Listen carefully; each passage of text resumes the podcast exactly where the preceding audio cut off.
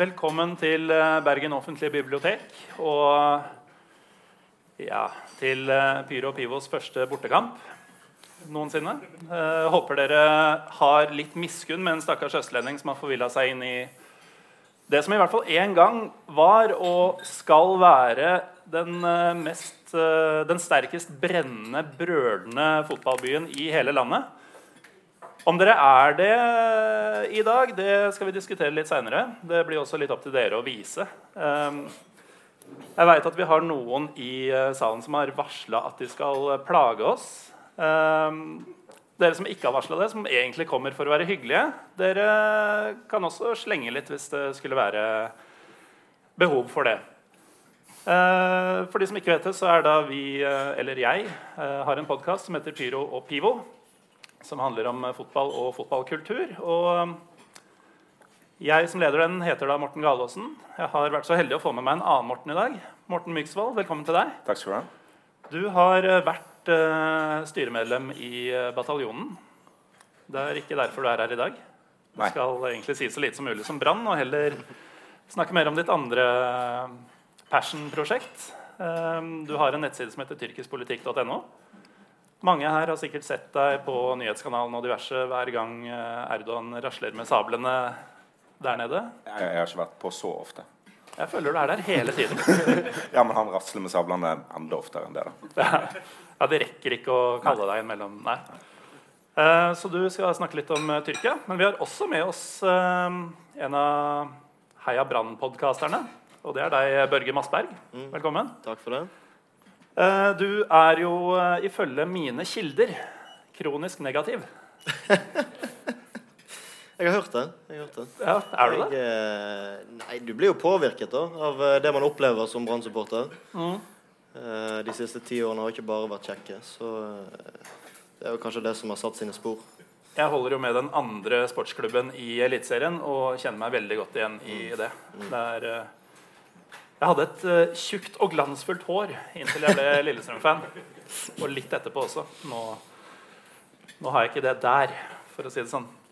Men uh, dagens første tema er uh, Tyrkia og tyrkisk fotball. Og Morten, jeg er jo også glad i Tyrkia. jeg veit at jeg er snål. hvorfor ble det Tyrkia som Eller hva er det med Tyrkia for din del som, som fenger? Altså, jeg var fascinert av Tyrkia egentlig helt siden jeg var liten, på en av alle ting en sydentur. Som alle eh, stort sett har reist på til, til Tyrkia. Eh, jeg lærte det tyrkiske alfabetet mens jeg var der. Eh, og jeg eh, så litt fotball. Hvor gammel var du da du lærte det tyrkiske alfabetet? Ti år. Eh, jeg det, det, tok så, det, tok ikke så, veldig lang tid før jeg glemte det igjen. Men, men, det var et godt grunnlag når jeg skulle prøve å lære det opp igjen. da, noen år senere. Men Var det en første utenlandstur, første sydentur? Ja. ja. ja. Så det, er, det, kunne like gjerne vært uh, Mallorca? Ja, altså meg og fotball og interesse er sånn Når jeg reiser en plass, så blir jeg veldig fascinert av den plassen. Så min første liksom, utenlandsk fotballklubb jeg fulgte, det var Newcastle. Fordi søstera mi reiste på tur dit og kjøpte T-skjorte derfra. Uh, Galatasaray, eh, som jeg heier på, som er måtte, hakket bedre enn den klubben du heier på, uh, det var det var Hakan Sjukur når jeg var òg 10-11 år gammel, som egentlig gjorde det. Um, VM i 2002 med, med bronsen til, til, Tyrkia. Der måtte, satte en litt sånn interesse, da, og så tok det av først for noen år siden, i 2013. Det VM-et, da var jo jeg tenåring, og du også vel tenåring. Ja. Eh, og det er jo ofte den tida hvor man begynner å virkelig både forstå sporten litt. Altså Du går fra å være som barn som bare idoliserer alle, til å skjønne litt hva som skjer, og kanskje vite litt om de forskjellige landene eh, osv. Og, og det 2002-laget det eh, skal jeg innrømme, det gjorde ikke så mye for min Tyrkia-interesse. Den kom først mange år seinere. Men det satte virkelig Tyrkia og tyrkisk fotball på kartet. Eh, og dette var jo en uh, veldig god periode for Tyrkia også. Galatasaray hadde vunnet Uefa-cupen. Forløperen til dagens strålende Europaliga. Bare to år i forveien. Ja. Likevel så var verden overraska over det som skjedde. Um, men Tyrkia hadde jo da kanskje den beste årgangen de noensinne har hatt. Men, men, det er jo litt sånn typisk. altså Verden blir jo stort sett overraska når det er ingen av de store som vinner. Altså En ser jo aldri for seg at det kan bli utfordreren som vinner. Det var ingen som på en måte så for seg at Kroatia skulle gjøre det bra, eller at Hellas skulle gjøre det bra. Alle tenker på at det er liksom Tyskland og Brasil og, og, og de få lagene der som hele tiden skal vinne. Men, men historien tilsier jo at det skjer jo ikke. Jeg har en følelse av at Tyrkia har en, en kronisk iboende evne til å ødelegge seg selv i langt større grad enn både Hellas og Kroatia. Det sier mye om Tyrkia, for Hellas og Kroatia Ja da, jeg er jo litt sånn ja, Ikke helt nøytral, da, men, men, i forrige mesterskap så, så, var jo jeg heldig overbevist om at Tyrkia kanskje hadde den beste midtbanen i hele mesterskapet. Eh, men de klarte jo ikke å gjøre noe som helst med det. Det var jo bare rot og krangel og folk som ikke fikk være med til turneringen. og eh, drapstrusler innad i troppen og sånt. Så det, det, det, er jo ikke akkurat det som, som bygger lag, da. Stein på stein, liksom. Og du som Brann-supporter, eh, Børge. Sånne ting eh, er vel kanskje også gjenkjennelig? jeg vet ikke hvor mye drapstrusler hadde vært innad i branntroppen. Det har ikke kommet frem i media. Men uh, det, er jo, ja, det er jo en, uh, har jo vært uh, gjennomgangsmelodien for Brann frem til for to-tre år siden at vi har en veldig god egenskap til å ødelegge oss sjøl. både innad i klubben, men også byen rundt og alt som foregår rundt, er jo veldig, har vært veldig destruktivt. Men har du noe noe forhold til uh, Tyrkia og tyrkisk fotball i det hele tatt? Husker du f.eks. 2002-laget? Ja, jeg er jo litt yngre enn dere, men jeg husker det veldig godt. Det, det var litt uh, artig, for jeg var i jeg husker jeg var i uh, Hellas om det var året etter. Og grekerne og tyrkerne er ikke bestevenner akkurat. Men da, det, da ble jeg kjent med en jevnaldrende uh, gresk gutt som uh, hvis favorittspiller var Rushdie, keeperen. Mm. Og det syns jo jeg var jeg har lært litt om Hellas. Jeg har vært en del i Hellas da jeg var liten. Og det, og det var jo ganske sjokkerende at her, her sitter det en, en, en, ung mann og får lov til å ha en sånn favoritt. Uh. Ja, Fikk han lov til det? Eller var det Jeg vet ikke om eh, foreldrene hørte det, men uh, han, det var hans store idol. Uh, så det, det satte egentlig mer spor enn det mesterskapet. Det at faktisk nå, nå er de så gode at selv grekerne kan omfavne. for det å ha en tyrkisk favorittspiller når du er gresk, det høres litt ut som å ha en litt uh, å si, avvikende seksualitet når du bor på Søgne eller et eller annet sted i, som ingen har hørt om på Sørlandet? Jeg tror ikke det er helt greit. Nei, jeg tror, jeg ikke, det er lov, Nei. rett og slett. Um, men uh, Morten, du, um, du hevder at du holder med et bedre lag enn det jeg gjør. Um, jeg vet ikke om du ser hva som står her, men her står det Fenerbahçe. Ja. Uh, hvilket lag er det du snakker om? Galatasaray. Ah, det var humor. Ja. Hvorfor uh, Galatasaray? Nei, det var, det var, for så vidt Hakan Sjukur som måtte, spissen som, som åpna opp eh, som Gjorde liksom det laget spennende da, eh, på, på, den tida. Eh, noe av det liksom, mest skjellsettende jeg liksom, så da jeg var liten, var og vi snakket om det rett før her, Graham Sunes eh, etter cupfinalen i 1996. Jeg så det ikke da, men jeg så det et par år seinere. Eh, da vant eh, Galatasaray over Fenebache eh, i cupfinalen på hjemmebane til Fenebache. Det Graham Sune sier da, som treneren til Galatasaray, er at han tar et flagg fra supporterne, springer ut midt på banen og planter det i midtsirkelen. Uh, det er et av de mer legendariske fotballøyeblikkene som absolutt ikke handler om fotball, men som handler om hat uh, noensinne. Og det var et eller annet i det som måtte gjorde at jeg, jeg, likte det. Så kom det jo litt seinere sånn at Graham Sunes ble Newcastle-manager, og da, da, var jeg ikke så glad i han lenger. Eh, men, eh, men han, eh, han, skal ha en del av skyldet for uh, Galatasaray-støtten. Jeg kjenner jo en del um, på min side i Istanbul. De er heller ikke så glad i Graham Sunes. Uh, men kjenner du uh, historien deretter? For det kom en hevnaksjon fra Fenerbahçe-hold. Nei, den kjenner jeg ikke så godt. Det er en um, ganske mentalt forstyrra Fenerbahçe-fan som går under navnet Rambo, bare. Han, Dette begynner bra. han gjemte seg i dagevis inni et av reklameskilta på stadionet til Galatasaray, på gamle Ali Sami igjen. Uh, Venta på jeg tror dette var serieåpninga. Det var ikke mot Fenerbahçe engang. Så det var ikke noe spesielt uh, er det vel ikke mange klubber som sjekker inni reklameskilta før match. uansett, Men det var i hvert fall ingen som gjorde det. da. Ingen forventa noe som helst. Og så er det, Han er ganske liten av vekst også. Så du ser bare en mygg nærmest med masse hår og skjegg som beiner ut i midtsirkelen. planter et vesentlig mindre Fenerbahçe-flagg enn det Sunesi gjorde, riktignok. Men står der med en ganske solid eh, Det ble kalt kebabkniv, men jeg føler jeg var litt sånn forenkla fra den engelske journalisten jeg hørte det fra. Det var nok bare en, eh, en kjøttkniv, Ja. slag, men den var svær. Og den sto han og vokta inne i midtsirkelen på landsdekkende TV da Galtas Rei skulle ta avspark. Det foregår i Tyrkia. Ja, ja.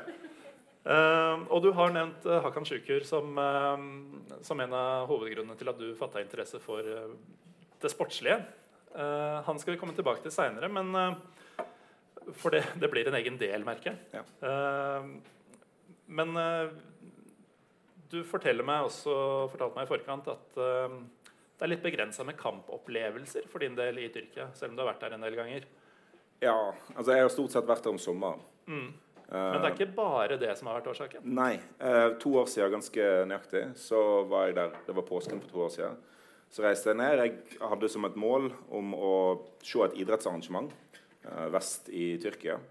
Eh, kamelbryting. Eh, som de har sånn sesongbasert kamelbryting med kamper sånn jevnlig. Det var siste muligheten, siste liksom, eh, eventen den sesongen. Det var den helga jeg reiste ned der. Så jeg skulle fly til, eh, til Istanbul, overnatte ute med flyplassen, og så fly rett til Izmir dagen etterpå. Så eh, et par uker før avreise så finner jeg jo ut at Galatasaray skal spille mot Fenerbahçe. Som jeg burde jo ha visst på forhånd.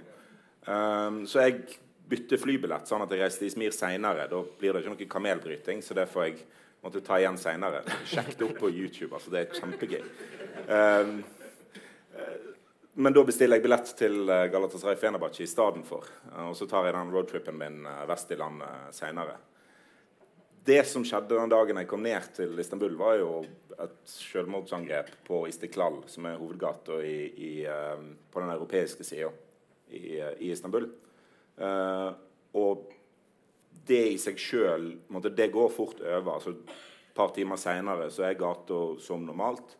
Uh, men idet jeg var på vei ut døra for å gå til kampen, så får vi beskjed om at nei, den er avlyst. For IS hadde tenkt til å um, angripe den stadion med, med skytevåpen og bomber, sånn som i, i Paris. eh, den, den privatlandskampen som, som var der. Så den, den ble avlyst. Den ble avlyst.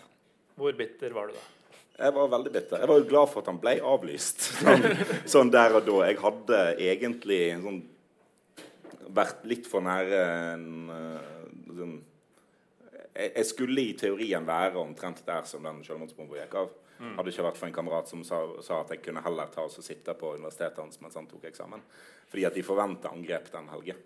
Uh, så jeg egentlig, skulle jeg egentlig være sånn i området der som den, den bomba gikk av. Så når jeg fikk beskjed om at liksom, ja, det er et terroranslag eller mulig terroranslag mot stadion, så, eh, så var det jo på en måte en lettelse da, at eh, det ble avlyst. Og så i etterkant hadde jeg gått over til bitterhet.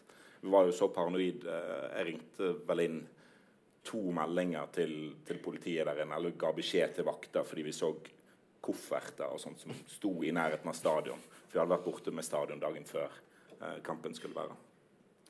Så jeg var litt sånn paranoid på det tidspunktet der. Og det har jo ikke blitt verre på de gangene jeg har vært, eller den gangen etter jeg har vært der nede. Ja, du, ting har en tendens til å oppsøke deg når du er i Istanbul. Men på dette tidspunktet så hadde du altså tatt deg ferie, flydd ned til eh, det som vel antagelig er favorittlandet ditt å reise til. Hvis ikke så blir jeg overraska. Ja. Um, skal kose deg med kamelbryting, og alt er lina opp for, eh, for ordentlig rekreasjon. Og så ender du med å bli stua inn på et universitet fordi de forventer et angrep. Jeg synes egentlig, jeg skulle lede opp til et spørsmål nå, men jeg syns egentlig dette oppsummerte Tyrkia ganske bra.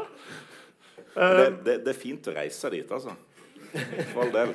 Um, det, det skjer veldig sjelden. Bare ikke reis når jeg reiser dit. Legger du ut en schedule på nettsida di så det er uunngåelig? Um, nei.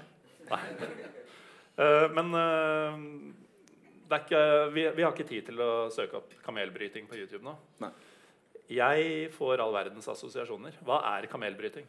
Altså, det er en slags ikke-voldelig versjon av sånn oksekamper i Eller hva, hva det heter det?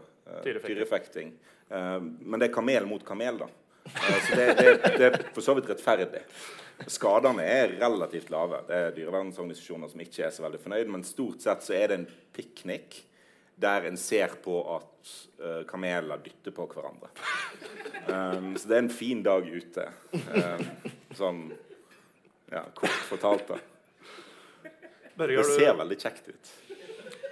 Ja, det høres jo helt enormt ut. Det må jo sies. Det høres jo uh, ja, som en god dag ute. Det høres jo nesten bedre ut enn uh, eliteseriefotball i Norge. Det er flere folk som går på dette, tror jeg. Sikkert mer pyro òg. Det må jo være enorme pyroshows på uh... Jeg tror det ville skremt kamelene ganske kraftig. ja, men det er da de får opp fighting spirit. Er Det er da de virkelig vil ødelegge den andre kamelen. Ja, Det er kanskje en god idé. Ja. Men uh, kamelbryting i Bergen, uh, Børge? Jeg vet at I den moderne fotballen, som vi alle er så glad i, så er det jo alltids uh, Man leiter alltid etter det nye pauseshowet, f.eks. Ja, Kanskje de kunne trekke folk til Brann stadion uh, med to kameler som drev og dytta på hverandre? De prøvde seg jo på et, uh, et ekstravagant pauseshow om det var siste seriekamp i fjor. Jeg tror det er flere som husker. Det gikk jo ikke sånn enormt bra. Det var en tryllekunstner som ikke helt Pausenummeret forsvant jo, da. Ja. magi. Men ikke for alltid. Nei. Nei, Så magisk var det ikke. Nei, dessverre. dessverre. Han kunne godt bare forsvunnet fra jordens overflate. Eh, jeg skjønner ikke hva de tenkte på der når de skulle ha en, ha en, ha en magiker i pausen. Herregud. Men uh, ja. Kanskje kameler hadde vært bedre. Det var siste seriekamp også, så det er ikke noe farlig om de ødelegger matten litt. for dette er det bare... Nei, ikke sant? Men uh, det er ikke sikkert at kameler hadde vært noe. Kameler hadde vært bedre. Kameler er alltid bedre. Var det noen gang aktuelt for deg, selv om du visste at det var kamp, å bare late som du ikke visste, og fortsatt dra på kamelbrytinga? Ja, da var jo den ferdig. Altså, ja, var... Men du fant jo ut dette før du dro ned? Å ja, at, om kampen? Å ja. Nei, når jeg så at det var Galatasaray Fenerbahçe, så tenkte jeg dette må jeg gjøre. Altså, ja. Det er ikke sikkert det passer kamelbryting. Jeg varer jo flere måneder. Uh, så hvis jeg bare reiser ned tidligere neste gang, så De har, de har strekkesesong? Ja, de, de, har en, en bli... noen måneders lang sesong. Ja. Mm. Da blir det bedre i kamelbryting i europeisk eh, sammenheng. altså, det kan jo være greit å ikke reise ned siste helg. Da er kanskje serien avgjort. Stiller ikke de beste kamelene. Men uh, terrorangrep uh, og forventa terrorangrep som ikke blir noe av, det er jo ikke det verste du har opplevd på dine besøk i Tyrkia. Altså, nei. Eller det kommer litt an på øyet som ser, men ja. uh, det var enda mer dramatisk i hvert fall ja. du, den kvelden du landa for uh, snart to år siden. Ja, det var jo, det var jo neste tur, da. Uh, etter denne kamel slash Begynte å bli en ganske bra tendens. Ja da. Jeg landa på, på den flyplassen på den asiatiske sida i Istanbul og skulle liksom kjøre over til, til Taksimplassen. Um, som er måte, det store møtestedet. Da. Det er der demonstrasjonene blir holdt. Det er der måte, sentrum er, hvis du skal kalle det det. Det er egentlig ikke lov å snakke om et sentrum i Istanbul, for det er så mange av dem. Um, men i løpet av den bussturen uh, over uh, så, så starter militærkuppet uh, i, i, Tyrkia uh, 15.07. og jeg passerte uh, Bosporos-stredet ca. 20 minutter før kuppet var i gang. Altså, jeg tvitra fra brua fordi at det var så det var, Brua var lyst opp i rødt, rødt hvitt og blått pga. NIS-terroren dagen før. Så jeg så på det i stedet for å se på militærkjøretøyene som sto utplassert der. Som, som ennå ikke hadde kjørt ut i veien for å sperre trafikken. Det skjedde ja, kvarter 20 minutter etter at jeg hadde passert der. Så da jeg kom fram til Taksimplassen, eh, så var kuppet i gang. Uten at måte, visste så masse om det. Første meldingene om det fikk jeg egentlig fra Norge. Uh, og så merka jo jeg det for så vidt en god del etterpå, um, i og med at jeg begynte å fly jagerfly over byen. Uh, ganske lavt og ganske fort. Uh, de, da begynte du å ane ugler i altså, da, da, hadde på en måte statsministeren også gått ut og sagt at det var et, et kupp på gang. Men hele den natta så drev jo kuppmakerne de, de styrte ca. en tredjedel av luftvåpenet. da drev de og, og flydde lavt over byen for å simulere bombing. Eh, så jeg hadde utsikt over egentlig store deler av den europeiske sida eh, fra hotellet jeg bodde på. Og så jagerflyene fly rett over hustaket, så det ut som. Med voldsomme drønn. Altså det, det rista i bygningen i, i 29. etasje. Så det var ikke så veldig høy på hatten. Der jeg skulle på en måte prøve å, å måtte håndtere det samtidig som jeg var på telefonen med eh, norske journalister. Jeg lurer på om det var Jeg husker ikke helt hvem jeg var på telefonen med. for det er litt sånn Det var ikke det som telte akkurat da? Nei, men jeg, jeg tror jeg skreik på telefonen med en journalist fordi at jeg trodde at byen var bomba. Var dette live på TV? Nei. Eller? Nei. Nei. For det hadde vært ganske legendarisk. Ja, ja, det hadde vært det. Jeg, jeg hadde en sånn paranoia i meg som sa at jeg, jeg går ikke på TV i dag uh, før jeg veit hvem som vinner. Um, og det, det tror jeg var lurt. Altså, hvis, hvis militæret hadde vunnet, så hadde jo jeg en slags hjemmesnekra plan om å komme meg til Hellas. Eh, jeg hadde tatt ut masse penger og pasta, så jeg skulle klare meg. Penger og pass. Pasta. Komma da? Nei, nei, nei. Pasta. Lett å lage mat av pasta. Ja. Eh, så jeg tøm, var jo med og tømte minibanken i, i, i området der. Så jeg hadde kontanter til resten av turen, som varte i tre uker. Jeg skulle betale hva som må- skulle til for å ta en taxi til byen hvis, eh, hvis dette gikk virkelig ille. Men det gjorde det ikke. Ja. Du kunne alltids latt deg stue inn på universitetet til eh, kompisene. Ja, det, det kunne jeg jo. Ja. Bortsett fra at alle ble jo sparka derfra sikkert uh, noen måneder etterpå. Ja. Da hadde de funnet deg også, selv om du hadde ligget inne et reklameskilt. ja, de har vel lært noe. Uh, Børge, Jeg er ikke så liten av det. kanskje. jeg vet forsvinner litt om dine ferievaner, men er det mye lavtflyende jagerfly, tanks på bruer, den type ting? når du er Jeg ute og eh, kan ikke huske noe sånt. Det var i, uh, i Paris under EM. Og da var det jo ekstremt med bevæpnet eh, politi og pansrede kjøretøy faktisk på hvert eneste T-banestopp bortover. Så var det mye mer våpen enn jeg har sett i hele mitt liv. Eh, men bortsett fra det så eh, var det Jeg har ikke sett eh, noe jagerfly, tror jeg, eller noe Det går noenlunde rolig for seg? Det går stort sett greit når jeg er på ferie. Altså. Jeg, har jeg har flaks, eller kanskje jeg er flink til Du møter er forstyrrede mennesker, men det gjør vi alle. Og det er det. Ja. Eh, men eh, dette kuppforsøket, grunnen til at vi nevner det i en fotballpodkast, er jo at eh, to-tre år tidligere, er det vel, så var det store opptøyer i Istanbul. Og dette er jo starten på Hakan Sjukur-delen av dagens sendeplan. Det starta med at myndighetene skulle rive en park i sentrum av Istanbul for å bygge kjøpesenter. Eh, En del hippier fant ut at eh, vi har allerede mange kjøpesentre. Vi har snart ikke parker igjen. Det bor 20 millioner her, og alle kjører bil som gærninger. Vi trenger de fire trærne på den plassen eh, for å puste videre. Fra noen telt med hippier så eskalerte det ganske kraftig ganske fort, Morten. Sommeren 2013. Ja, Det tok et par ukers tid. Det var da politiet grep inn mot disse miljøvernerne. Eh, at ting begynte å eskalere. Da begynte flere å møte opp. Politiet brukte eh, vold mot eh, demonstrantene, og det fikk folk til å strømme ut i gatene. Det tok virkelig av når fotballsupporterne begynte å komme. Istanbul har tre store fotballag, og så har de fem i, i toppserien nå. Men de har tre store fotballag. Det er Galatasaray, det er Fenerbahçe og så er det Besiktas. De, de misliker hverandre ganske kraftig. Det er, Ganske. det, det, er et, eh, det er et sterkt rivaleri. Men det som skjedde under disse opptøyene, var at disse grupperingene begynte å gå sammen. De begynte å gå i lag i demonstrasjonene. De begynte å demonstrere i lag i demonstrasjonene, eh, og de ble politiske. Eh, Det gikk så langt at det var en, en gruppering fra Charse til Besjiktas, en ultrasgruppering. De overtok ei, ei, ei gravemaskin. De, de tok ei gravemaskin fra, fra myndighetene og begynte å kjøre vekk politisperringer. Eh, de ble jo de ble forsøkt De ble fengsla, og de, de risikerte livstid i fengsel. Eh, men de ble, de ble frikjent.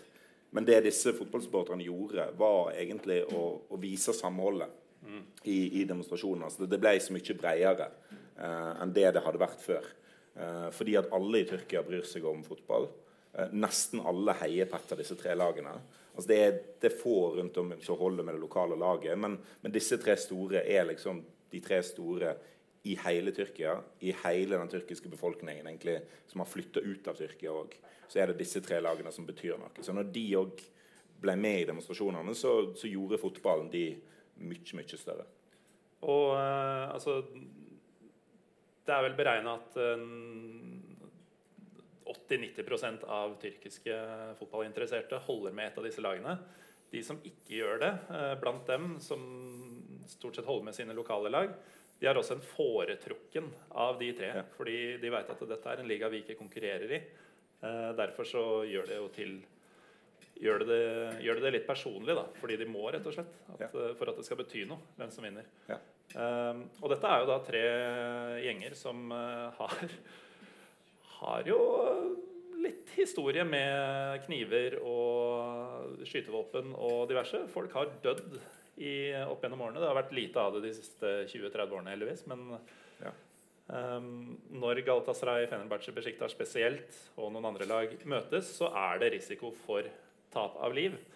Uh, så symbolikken i at disse tre gikk sammen mot, uh, ja, mot en felles fiende, Ja. eh, den er eh, ganske utrolig, egentlig. Når man kjenner til eh, Men det fikk, hvem disse egentlig er. det, fikk ganske, det fikk ganske store konsekvenser for tyrkisk fotball. Negative konsekvenser for tyrkisk fotball. Det at, at fotballsupportere blir veldig politiske, og spesielt mot et regime som blir mer og mer autoritært, gjør at eh, fotballsupportere òg er et mål. Noe av det første som skjedde etter disse demonstrasjonene, var at en innførte et nytt billettsystem i, i tyrkisk fotball. Eh, Passolig. Og det har vi snakka en del om i Pyro og Pivo eh, Ja. siden, det, siden vi begynte. Og vi har kanskje aldri gått i detalj på det, men jeg har jo nærmest sagt at Tyrkia var holdt på å si mekka for eh, fotballsupporterturer tidligere. Og nå er det nesten at eh, hvis jeg er der, så gidder jeg nesten ikke å se om det er kamp engang. Altså, jeg, jeg registrerte meg i det systemet for å få billett til Galatasaray Fenerbahçe. Da måtte jeg registrere meg som Galatasaray-supporter. Ja. Det betyr at jeg ikke kan få billett til Fenerbahçe Besiktas hvis jeg har lyst til å gå på det. Fordi at jeg holder med Galatasaray. Altså, det, er veldig, det er for å hindre fotballvold. og det er det som er Den offisielle forklaringen bak dette er for å hindre fotballvold. Det dette systemet egentlig er, en gigantisk overvåkingskonsept for å finne ut hvem som går på fotballkamper, eh, hvem som er involvert i bråk. Og de kunne håndtert det med ordinær videoovervåking. Mm. og funnet ut hvem som hvem som kaster ting på banen, og hvem som uh, hoppa inn på banen, og hvem som, som var voldelige. Men de løste det med et elektronisk system som, som har fått tilskuertallene i Tyrkia til å falle. Noe av det mest attraktive med tyrkisk fotball er jo tribunelivet. Eh, måten de fyrer opp hele stadion Det er ikke bare en liten seksjon, men hele stadion. I europacupkamper, f.eks., når engelske lag skal komme på besøk med, med, sine, med sine sanger, så blir de møtt av 50 000 mennesker der det, det er pyro over hele banen. Rundt hele banen. Eh, det ser ut som byen er i brann. Eh, men nå har tilskuertallene falt ganske kraftig. Altså, en million færre som går på kamp nå enn det det var for, eh, for fem år siden. Og det er ikke et tall du bare finner på. Det høres ut som ja, det er en million mindre som går på kamp. Nei, nei, det er faktisk. Det er mer enn en fjerdedel av supporterne som har forsvunnet mm. de siste fem årene. Så det er i ferd med å, måtte ta på seg. Eh, Galatasaray og Fenerbahçe, eh, og til dels Besjiktas, de har gode tilskuertall nå, men resten av ligaen er helt, helt, eh, helt tam. Altså det laget som leder serien nå, uh, Bashakshir, tidligere eid av det kommunale vannverket, eh, de har et snitt på 5000 eh, supportere på kamp. Altså det er bedre enn biff, men tror jeg. Men, men, men det, er, det er skikkelig trist. Eh, så har du tre lag som, som leverer liksom, gode tilskuertall. Ellers er det veldig eh, daft. Og det, det gjør jo tyrkisk fotball mindre interessant. Ja, for det er jo ingen hemmelighet at uh, man drar jo ikke ned for å se en uh, Dirk Coit på 37. Man drar jo ned for å oppleve nettopp den livsfaren som det nesten Ja. kunne, kunne føles som om det var. Uh, nå har jo du dessverre ikke fått oppleve det, men, men jeg har jo blitt tåregassa av tyrkisk politi ved et par anledninger. Og um, det er noen ganger man tenker at uh, det du ser på YouTube, og sånn, det er representativt. Det er, eller det var i hvert fall. Eh, det var noen ganger man tenkte at eh, nå er det ikke sikkert at eh, den billetten på toget tilbake til der jeg bor i kveld, kommer til å være nødvendig. jeg husker spesielt en gang i Ankara. Da var jeg på bortekamp med Fenerbahçe. Det var nest siste kamp for sesongen, og de måtte vinne for å, for å fortsatt ha overtaket i kampen om ligagullet. Skulle møte Ankara Guju, som er eh, nok den største klubben i Ankara. Mulig at Gençler Bili er like store. Um, men i hvert fall Fenerbahçe spilte på den tida eh, de kjempa om gullet med Bursaspor. Og Bursa-supporterne er minst like gale som de fra Istanbul. Eh, de hadde spillefri den helga, og de har et vennskap med Ankara Gucci-supporterne. Ikke er det spesielt langt fra Bursa til Ankara heller. Eh, så da husker jeg at vi var ekstremt nøye, jeg og min tyrkiske kompis, som heldigvis hadde vært med på dette før, på åssen vi kledde oss. Og det var jo ikke snakk om å ikke ha farger inne på eh, stadion, så både drakt og skjerf og sånn var med. Men vi hadde jo tre lag over for at det ikke skulle synes gjennom kragen at det var en blå og gul drakt under. Og vi svetta noe så inn i helvete! For dette var i mai i Tyrkia. Det var 32 grader hver dag. Bortsett fra om natta. Da Da var det bare 28 eller noe sånt. Og det er, jo, eh, det er, jo, sånn det er i Tyrkia. Eller som det har vært. Og dette Passeleg-systemet har jo da eh, fjerna ganske effektivt mye av Eller mange av de elementene som tenker at det ikke er verdt det. da. Eh, som det kanskje føler at de har At det står litt på spill for dem. Hvis de blir tatt, så er de ferdig. De har klart å snike seg under radaren. Så kanskje noen av de verste har forsvunnet. Samtidig så har vel ikke det organi... Eller antallet hendelser har vel ikke gått sånn markant ned? I hvert fall ikke i takt med tilskuertallet. Nei, det har jo ikke det. Men det, er, det blir veldig sånn mistenkelig når det billettsystemet er styrt av en bank som svigersønnen til presidenten eier. Altså det er I et land med 80 millioner innbyggere så skulle du tro at du kunne finne en bank som ikke var knytta til myndighetene. på en slags måte. Men dette er liksom ikke en feil. Dette er sånn det er meint å være. Uh, at myndighetene skal kontrollere uh, billett eh, til, til toppserien der. Så For å lage en slags rød tråd her, da, så har du GC-opptøyen sommeren 2013, hvor eh, supportere av disse tre lagene plutselig står side om side. Eh, som fører til denne Passoliga-innføringa, som gjør at tilskuertallene og Tilskuertallene synker, stemninga synker. Tyrkisk fotball, det de hadde som var interessant for andre enn tyrkere, det er i stor grad borte. og så får vi da dette kuppforsøket. Og det er nå vi skal nevne Hakan Sjukur. Ja. Det var en lang introduksjon. Ja. Det tok bare en halvtimes tid. Ja. Men jo, Hakan Det er noen ordentlig unge gutter i uh, salen her. men jeg antar at de som er her og visste at det var en fotballpodkast her i kveld, har hørt navnet Hakan Sjukur. kanskje den mest populære og største spilleren i tyrkisk fotballs nyere historie. Kanskje noensinne. Lands... Han, jo, han, var jo en helt for hele landet. Til tross han for var en helt. Ja, ja, han var en til tross for at han var uh, lojal mot kun Galatasaray da han spilte i Tyrkia. Har jo også spilt i England og Italia. Ja. Men det var alltid Galatasaray. Like fullt. Stor respekt blant Besjiktas, Fenerbahçe, Trabzon osv. Såpass populær at han eh, ble valgt inn i uh, parlamentet, vel? Ja. ja. Og da, da, var det sky the limit, var det ikke det? Jo da, han ble valgt inn for, uh, for regjeringspartiet AKP, mm. eh, som er Erdogan sitt parti. Så han var jo på en måte i flertallskoalisjonen der. men så i 2011 så begynte det å liksom bli brytninger mellom denne bevegelsen, Gulen-bevegelsen og AKP. de hadde inngått et samarbeid etter 2002-valget. Da var AKP et helt nystarta parti eh, som plutselig fikk rent flertall i parlamentet. Eh, Tyrkia har veldig høy sperregrense, så hvis et parti får 9% av stemmene, så får de null representanter. Så Det gjorde at, at AKP fikk nesten to tredjedels flertall med, tre, med 40% av stemmene. Eh, de hadde ikke folk de hadde nettopp, Partiet deres hadde blitt lagt ned av Høyesterett fordi at de hadde blitt sett på som islamister. Eh, så de hadde liksom ikke folk å ta av til alle mulige posisjoner. Så de henta inn folk fra Gulen-bevegelsen, som er en islamistisk, relativt moderat sies det, bevegelse, i hvert fall utad er det, det, til å fylle en del viktige posisjoner. Det intensiverte seg i 2007, når det var et såkalt postmoderne kupp. Militæret sa hvis dere velger denne presidenten her, så kommer vi til å gripe inn. Eh, fordi at han var islamist, og det kunne han ikke ha i Tyrkia.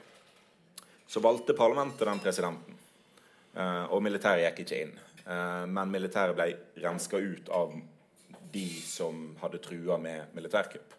militærkupp er egentlig lovlig i Tyrkia, men hvis du ikke får det gjennom så, ja, Det var militæret som gjorde det lovlig da, etter et militærkupp. Um, men hvis du ikke får gjennom militærkuppet ditt, så står det jo laglig til for òg.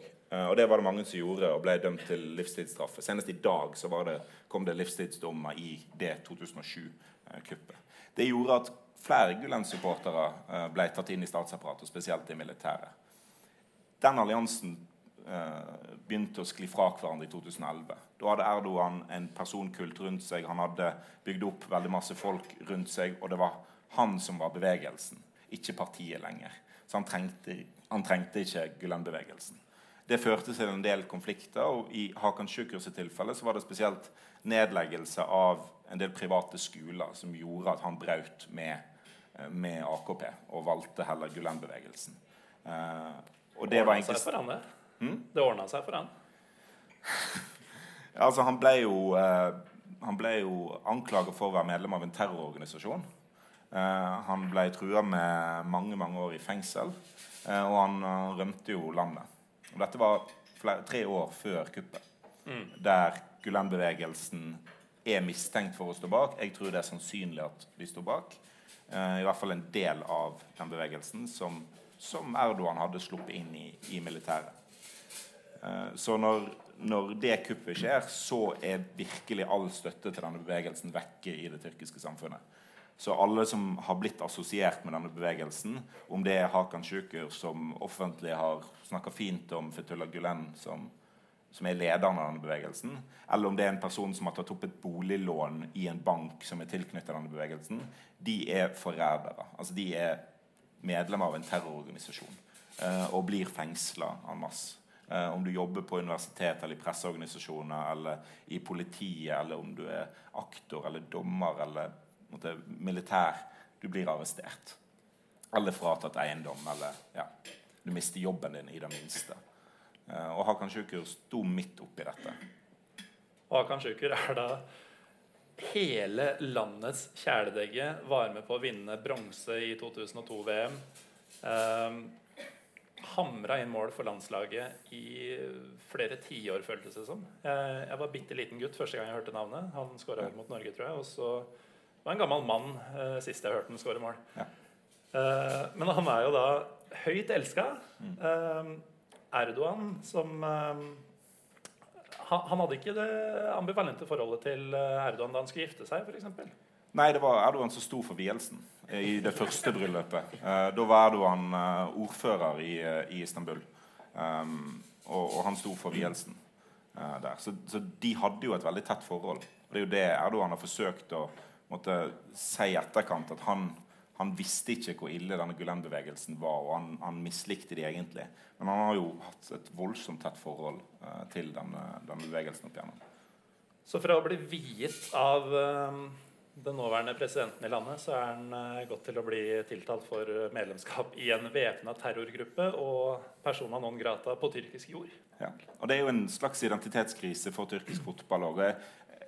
Jeg, vil jo tro at måte, det elendige mesterskapet de hadde nå sist, skyldes til dels at det er voldsom uro i tyrkisk fotball. Altså de, de har mista en del av truet på historien sin. Hva, hva tyrkisk fotball skal være for noe. Uh, Sjøl ikke liksom, den legendariske landslagstreneren Fatih klarer å, å, å, inspirere dem til å, å, yte noe som helst. Og det, dette var en midtbane som jeg mente var ekstremt god. Han var veldig ung, så han kunne kanskje vært den beste i mesterskapet om noen år, men jeg var litt tidlig ute. Uh, men, men altså, de jeg, jeg, tror tyrkisk fotball mista veldig masse når, når det glansbildet ble, ble revet ned. Da. Og så har jo hele liksom, fotballforbundet eh, vært utsatt for, for, en god del utrenskinger. Det var masse dommere som ble arrestert i fotballforbundet. Fotballdommere, altså. Um, og det var, det var, mange administrativt ansatte der som, som røk med i dette kuppoppgjøret. Så, så tyrkisk fotball har lidd måtte, i etterkant av, av kuppet. Og Det ser man jo også i eh, Europa. Nå hadde jo riktignok et Beshitar som vant gruppa si i eh, Champions League, men man ser jo år etter år hvert fall de siste tre-fire årene at uh, det er ingen som er i nærheten av å levere noe som helst, egentlig. Nei. Um, Galatasaray mot Østersund. Ja, og Fenerbahçe mot Vardar. Ja. Rosenborgs uh, Prygelknabe, som de sier i Tyrkia. Ja. Så nei, nå, nå ble det mørkt og dystert her. Um, kan jo nevne bare før vi går videre at uh, det blir uh, åpning for spørsmål litt seinere. Så hvis uh, dere lurer på noe om uh, tyrkisk kamelbryting spesielt, så, så bare hold det inni dere for en liten stund. Så kan dere stille dere opp i kø etterpå. Uh, men fra det litt dystre bildet vi maler av tyrkisk fotball, så skal vi over til Brann. Ja. Ja, og var du ikke kronisk negativ før, så du er vel ikke du har vel ikke mer tro på verden nå enn du hadde før vi begynte å snakke Tyrkia? Nei, det var jo ikke eh, balsam for sjelen, dette Tyrkia-opplegget. Nei. Og det er det vel heller ikke å holde med noen av sportsklubbene på øverste nivå i Norge. Eh, Men når var det ting begynte å gå gærent for deg? Altså, når var det Brann begynte å bety mye? Altså, jeg, jeg var jo ganske heldig ganske lenge, for jeg begynte, ja, jeg begynte å gå på stadion i 2001, kanskje, eh, fast. sant? Og da, det var en ganske Eller hadde vi en god sesong bak oss, og så gikk det lukt nedover. Holdt på å rykke ned i 2002. Men etter det så gikk det jo veldig bra. Da hadde vi jo kanskje den beste perioden vi har hatt på, på lenge. Vi var i eh, bronse i serien cupgull. Sølv og gull og tenkte at nå, nå skal vi eh, Nå skal vi til Europa. Nå skal vi eh, etablere oss som et, eh, et nytt lokomotiv i norsk toppfotball. Som man jo gjør. Ja. ja. Det, det, det var jo det vi tenkte, sant? Og, og, og vi var veldig optimistiske på den tiden. Og etter det så har det jo bare gått Eller det gikk én vei eh, siden frem til ja, 20, 2016. Da begynte vi å gå oppover. Men ja. Formative år, de 2008 til 15. 2008 til fem- 2008 til 15.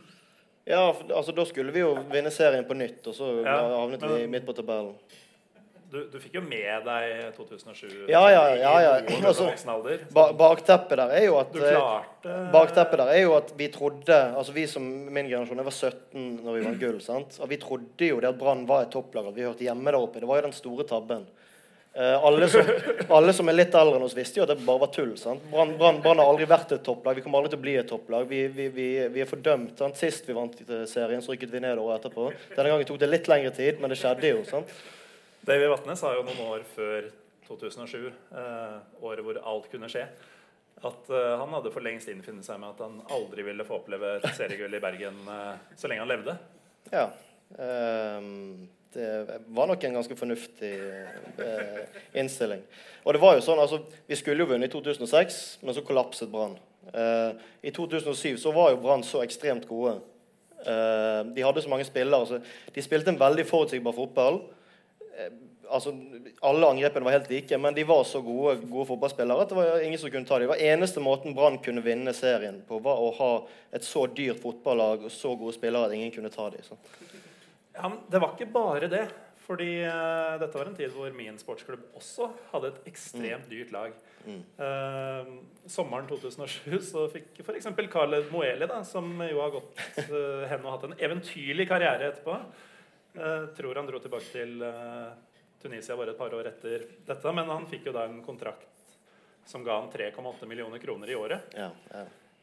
Så jeg, jeg Det, var, det, var jo, det var en fantastisk tid for norsk toppfotball. Alle lagene holdt på på den måten der. Det var jo helt sinnssykt. Ja, og flere av oss betaler fortsatt for det. ja. ja. Men sant? eh, du, du fikk jo med deg dette gullet, og, og for meg så Når du sier hvor ekstremt bra Brann var den sesongen, så husker jeg en eh, mørk Må ha vært regntung, i hvert fall i huet mitt. Så svært regntung, kanskje den uh, regntyngste dagen på Østlandet på 15 år. Så kom Brann til Lillestrøm. Det var da det egentlig sto mellom oss to. mm. trodde alle. Eh, Vi endte jo som nummer fire, så det stemte jo ikke. Men eh, på det tidspunktet så så det sånn ut.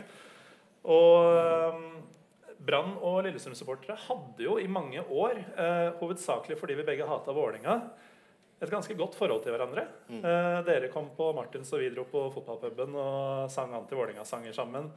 Eh, I gamle dager, som mange av dere sikkert ikke husker, da seriekamper gikk søndag klokka seks. Noensinne. så eh, var jo det største jubelbrølet når Brann og Lillestrøm møttes, uansett om det var i Bergen eller i Lillestrøm, det var da det ble lest opp at Vålerenga hadde sluppet mål. For da jubla hele stadion sammen. Og så kommer da denne Det ble vel flom den kvelden, tror jeg, i Lillestrøm. Hvor eh, For det første så får det forholdet seg et skudd for baugen. Fordi Brann har aldri vært så mange på puben vår. Uh, og folk begynte å bli litt brydd. Det som tidligere hadde vært litt sånn sjarmerende gjeng med, med sånn gurglende, rælende, rødkledde folk, det var plutselig De var overalt, og de sang 'Gullet skal hjem' over høyttaleranlegget. Og uh, folk begynte å få litt sånn avsmak for, uh, for Branns supportere. Men vi skal i hvert fall mose dem på banen, og så skal vi ta dette gullet som vi har venta på siden 1989. Og så taper vi 5-1. Uh, og det er et godt bilde på hvor overlegne Brann var den sesongen. Nå ble vel ikke gullet avgjort før uh, ganske seint utpå høsten, men 22. oktober, tror jeg. Tror du det? Ja, jeg tror det. Var det 22. oktober?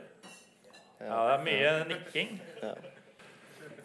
Så Brann hadde jo et lag som Ja, de var forutsigbare.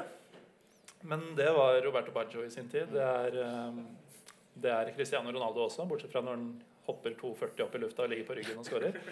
Uh, den var ny. Men uh, gjør du noe bra nok, så kan du gjøre det så mange ganger du vil uten at noen kan stoppe deg. Og hadde Hva var det? Matchball Dette investeringsfirmaet som uh, sto bak. Hardball. Hm? Hardball. Hardball. Ja, hardball var det. Mm. verden lå jo for deres føtter. Ja.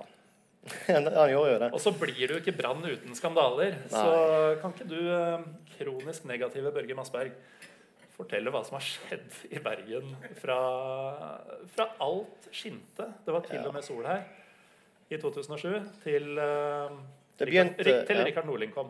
Det begynte faktisk før sesongen i 2007. Da ansatte vi en mann som het Roald Brun Hansen som sportssjef. Det var da det begynte. Um, og så vant vi. Da hadde jo ikke så mye innflytelse akkurat det året. Han hentet noen spillere på sommeren der.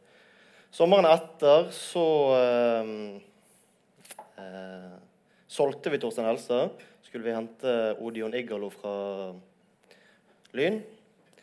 Det er en oppgradering? Ja, det, han har jo vist seg å være en god, god fotballspiller. Han var jo god da òg. Og så på lørdagen så eh, er Odion Igalo klar eh, ifølge Roald Brun Hansen om alle mediene. På mandagen så er han i Italia og signerer for, uh, for Odinese. Og så eh, henter vi vel ikke en skikkelig forsterkning, og så ryker vi ut av uh, kommer vi ikke til Champions League. og da var jo, altså det var jo, Brann hadde jo satt alt på at vi skal komme til Champions League og få de pengene der. For å kunne bygge videre. Brukt så ekstremt mye penger på veldig gamle spillere som du aldri kan få penger igjen for. Og så går det i dass. Det var jo der det begynte å, å virkelig uh, gå nedover. Og så ut på, uh, på høsten der så begynte det å skjære seg litt, og så uh, sparka de assistenttreneren Espen Steffensen og ansetter Harald Aabrekk fordi at det er sånn man gjør når det skjærer seg for klubben. Og så ja, men akkurat det er jo ikke noe spesielt for Brann. Det er jo sånn fotballklubber gjør. ja, men det var veldig spesielt. De fornya med, med Mjelde tror jeg, tidlig i den sesongen, og så må han gå til slutt uh, der. Jeg, ikke, jeg, husker ikke om han Han fikk vel ikke sparken, men de var enige om at uh, dette går ikke lenger. Uh, året etter at han tok gull. Så ansetter de Steinar Nilsen. Han blir uh, lovet gull og grønne skoger, og så får han ikke kjøpe spillere for omtrent noe som helst. Sant? Og så tar det vel et år, og så taper Brann uh, en kamp på Varden mot Fyllingen, og da må han gå. Eh, I 2010 var det. Da eh, holdt vi på å rykke ned. Før Rune Skarsjord kom inn, den store redningsmannen, han er det mange som husker. Han var en, eh, en karismatisk og sympatisk type. Vi likte han i begynnelsen. Han hadde god musikksmak, og han var litt sånn jo, men han liker, liker sånn Manchester-pop. Og, og, og, og, var I begynnelsen var han litt morsom. Sant? Han var litt sarkastisk og sånn. Problemet var at han fortsatte å være sarkastisk når uh, spørsmålene kom imot han. Og han fikk aldri Takk. Um, han gjorde en veldig god De to første sesongene var veldig bra. Og den uh, første hele sesongen så slo vi Rosenborg to ganger og kom til cupfinalen. Sett de siste årene så er det den beste sesongen vi har hatt siden 2016.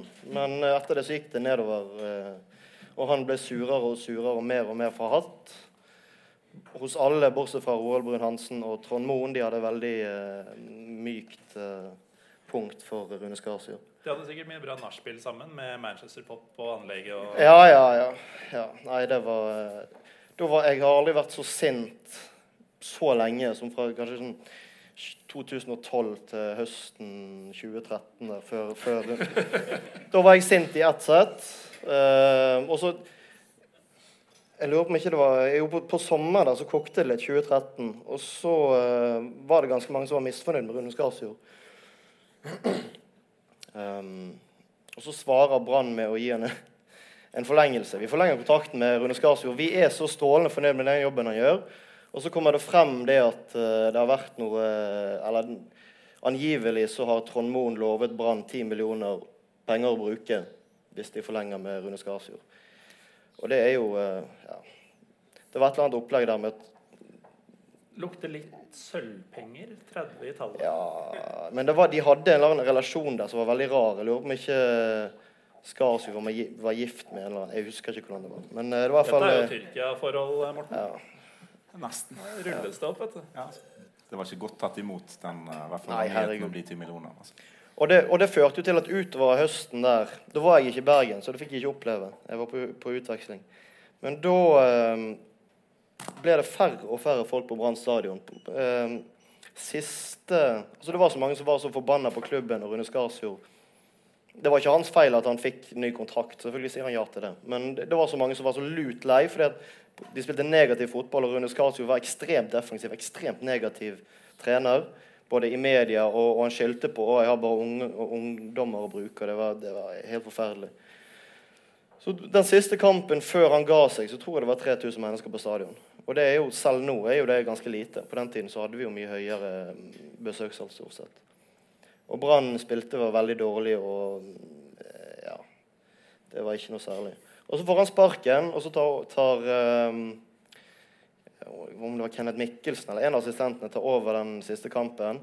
Og plutselig så er det fyrverkeri i guttene igjen, og Brann vinner mot Tromsø 4-1 eller et eller annet. Jeg hadde ingenting å spille for, men det var Folk kom på stadion igjen, og det var eh, bare fryd og gammen. Så, en eller to måneder seinere, så eh, kommer Messias til byen. Da er det bluss på stadion, og Roald Brun-Hansen annonserer eh, Rikard Norling, som var den eh, ja, mest sjarmerende treneren vi har hatt. Og egentlig den mest meritterte treneren vi har ansatt, i hvert fall, i hvert fall med nylige meritter.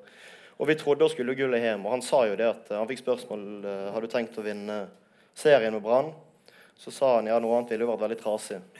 Det er noe av det sprøeste med fotball. Det er at du kan sette inn hvem som helst uh, og tenke at dette er en garanti for suksess. Altså Nils Arne Eggen som landslagssjef eller mm. Rosenborg-trener i dag. Du tenker kan ikke slå feil. Mm. Nå blir det bedre enn det noensinne har vært.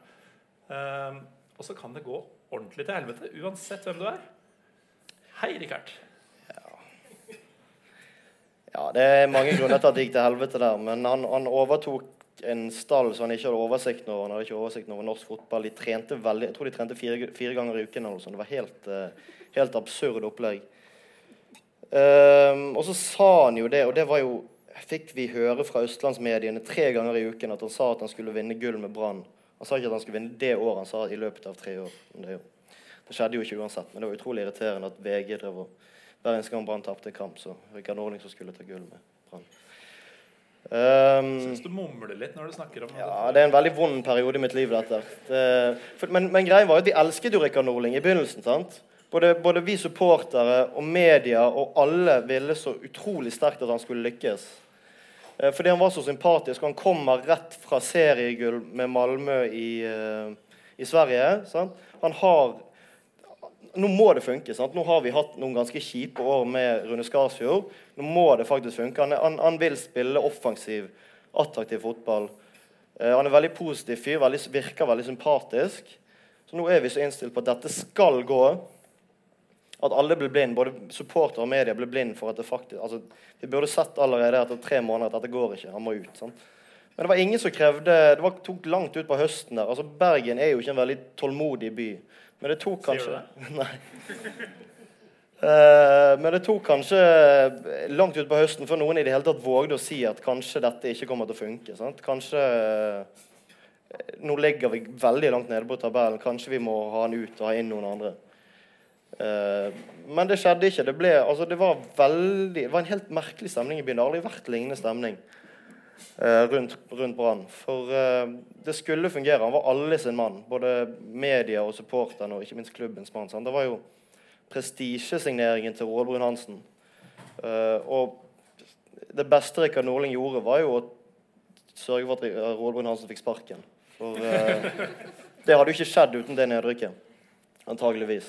Uh, han tok med seg uh, Fikk rensket godt opp i hele organisasjonen der. Men uh, ja, Nei, det var vonde år. Eller et vondt ett og et halvt år. Begynte Det er ikke noe feel good live-podkast vi sitter med her, merker jeg. Nei, det er mørkt. Det er Kanskje mørkt. litt mer kamelbryting må til?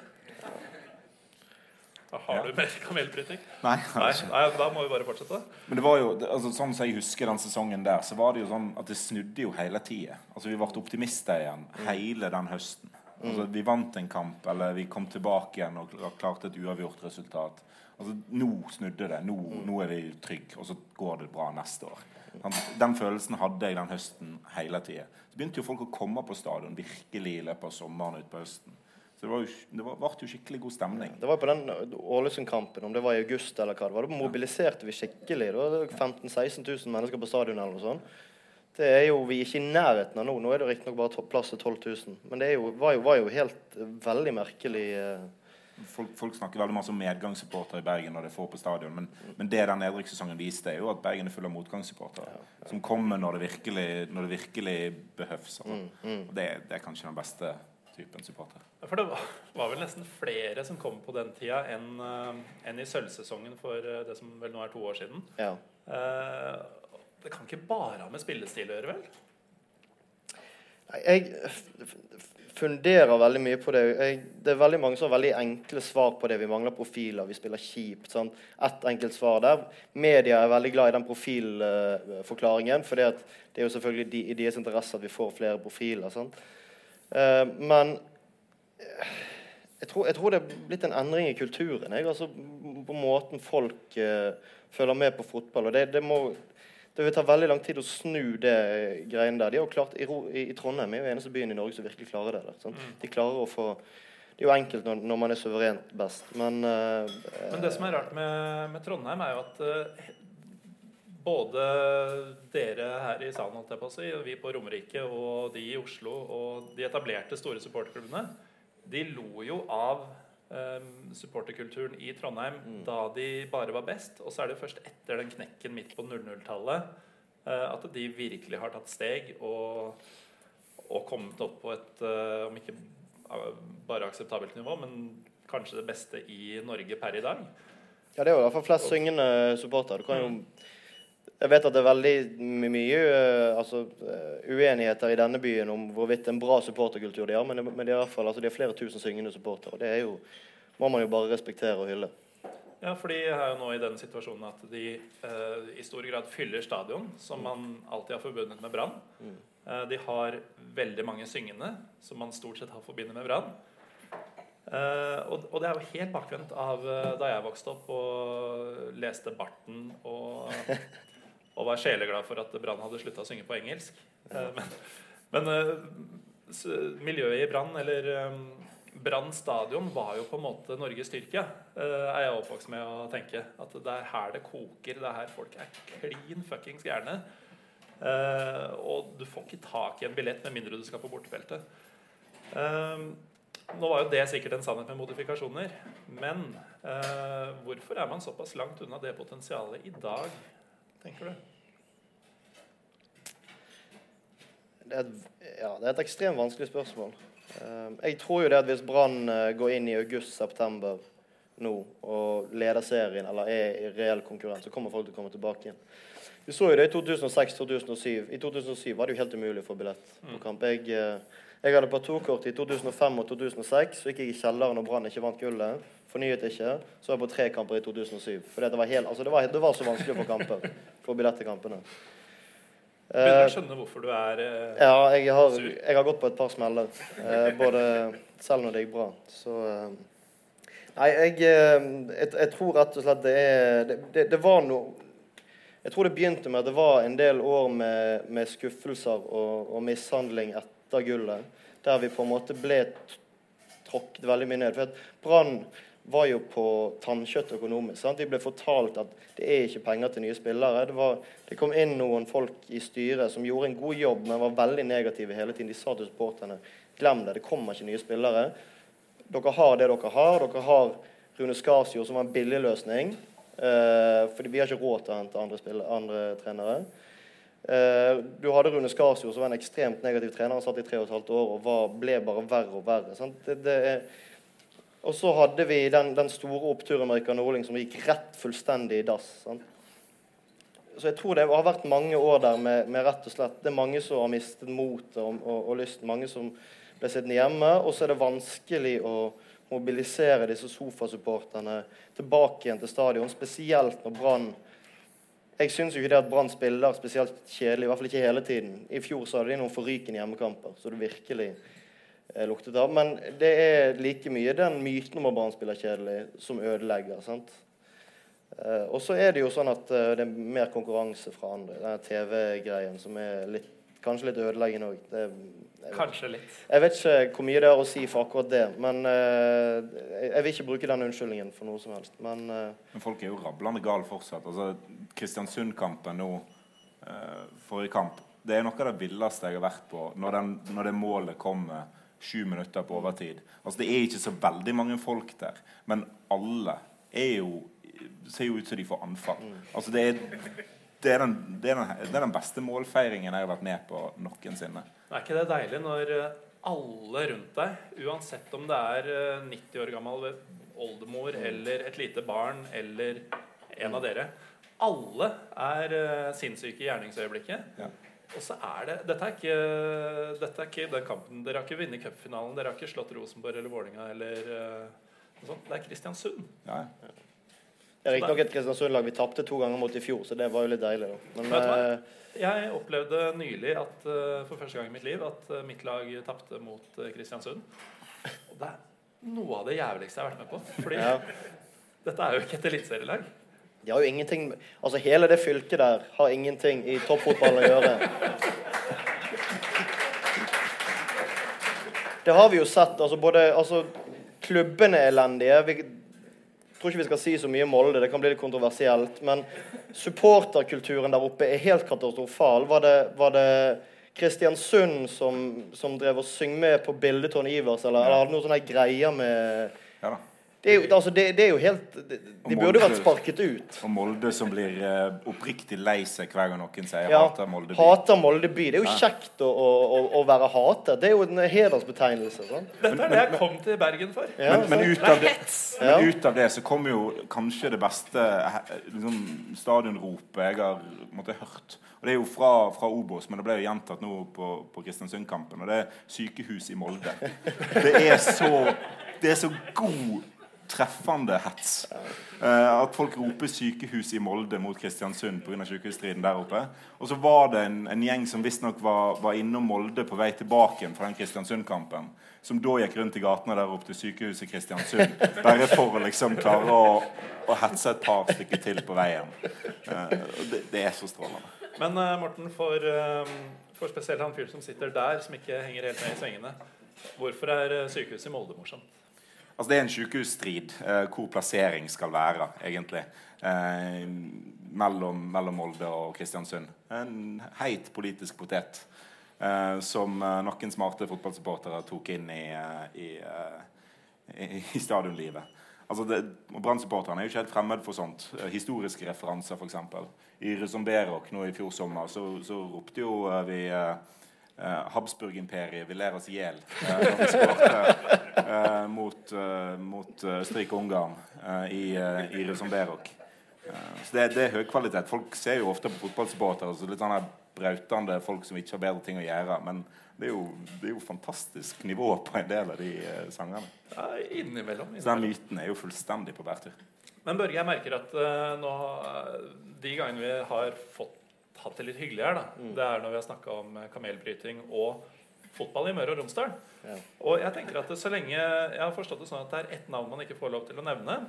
eh, Selv om alle her veit det. Mm. Men vi kan godt snakke kontroversielt om eh, Molde så lenge vi unngår det. Og det syns jeg vi skal gjøre. Jeg syns vi skal la denne snøballen rulle litt. Hva var det du ville si om Molde? Nei, når jeg sa det var kontroversielt, så var det jo Det er, det er bare oss to her nå. var jo, det var jo det opplegget der jeg mente, men hele klubben er jo en, den eldste kjøpeklubben i Norge. Eh, det er en plastikklubb.